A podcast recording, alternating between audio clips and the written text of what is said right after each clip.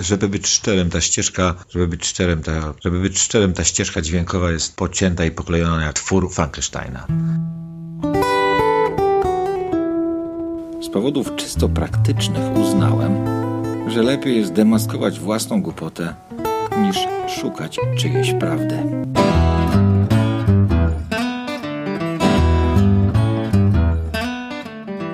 Cześć, nazywam się Paweł Kosiński.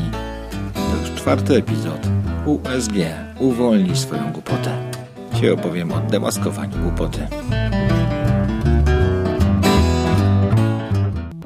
Możliwość spojrzenia na własne poglądy, opinie i osądy jest darem, dzięki któremu możemy się rozwijać. Przyjmowanie bezkrytycznie poglądów, opinii i osądów innych ludzi jest ograniczeniem.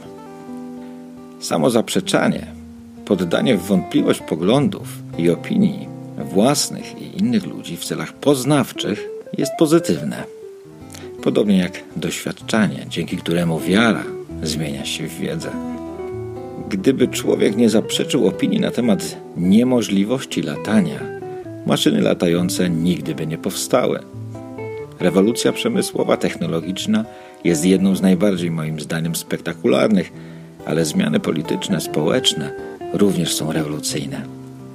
Wszystko dzieje się w jakimś stopniu za sprawą podważenia poglądów i opinii własnych i innych.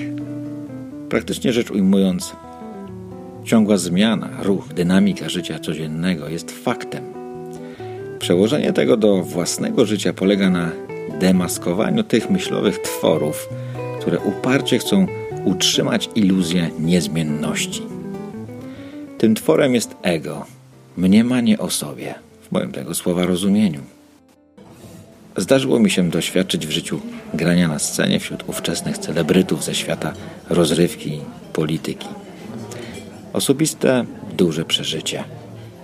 W moim umyśle powstało coś w rodzaju zdjęcia myślowego pod tytułem Ja w świecie znanych ludzi, ja ludzi, znanych postaci, ja wielki, ja, ja znam, ja. Przez jakiś czas funkcjonowałem w życiu, trzymając przed oczyma to myślowe zdjęcie, chcąc podtrzymać coś, co przeminęło.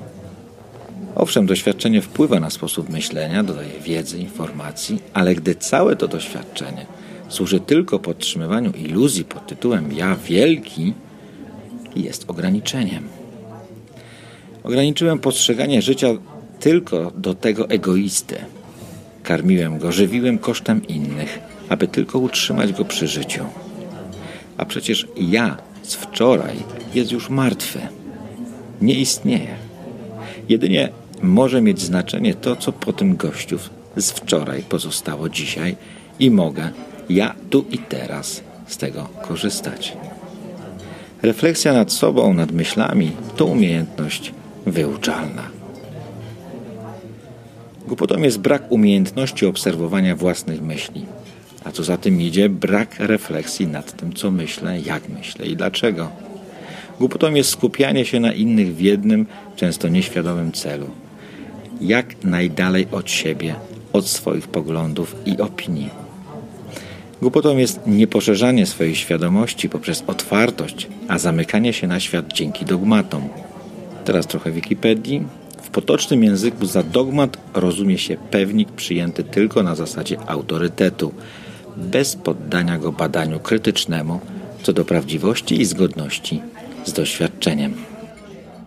Kiedyś było normą posiadania niewolników. Przez wiele setek lat nie przeszkadzało to właścicielom ani religijnym przywódcom.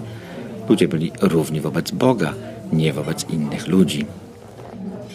Kiedyś było normą, że kobiety nie miały prawa do głosowania. Nie przeszkadzało to mężczyznom, nawet tym w religijnych szatach.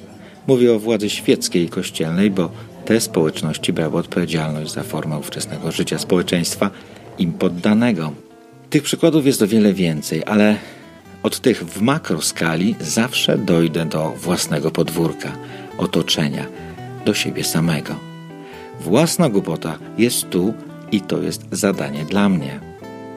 Moje poglądy na temat otaczającego mnie świata nie do końca okazują się być moje, ale to nie jest problem. Nie wszystko da się przepuścić przez szkiełko wiedzy i doświadczenia, ale da się poddać wątpliwość. Myśli, poglądy, opinie, którymi się posługuje, dają się poddać obserwacji, a to już wstęp do innej bajki. Dostrzeganie w sobie tego, co ma wpływ na życie, a nie jest ani praktyczne, ani konieczne do życia codziennego, uważam za demaskowanie własnej głupoty.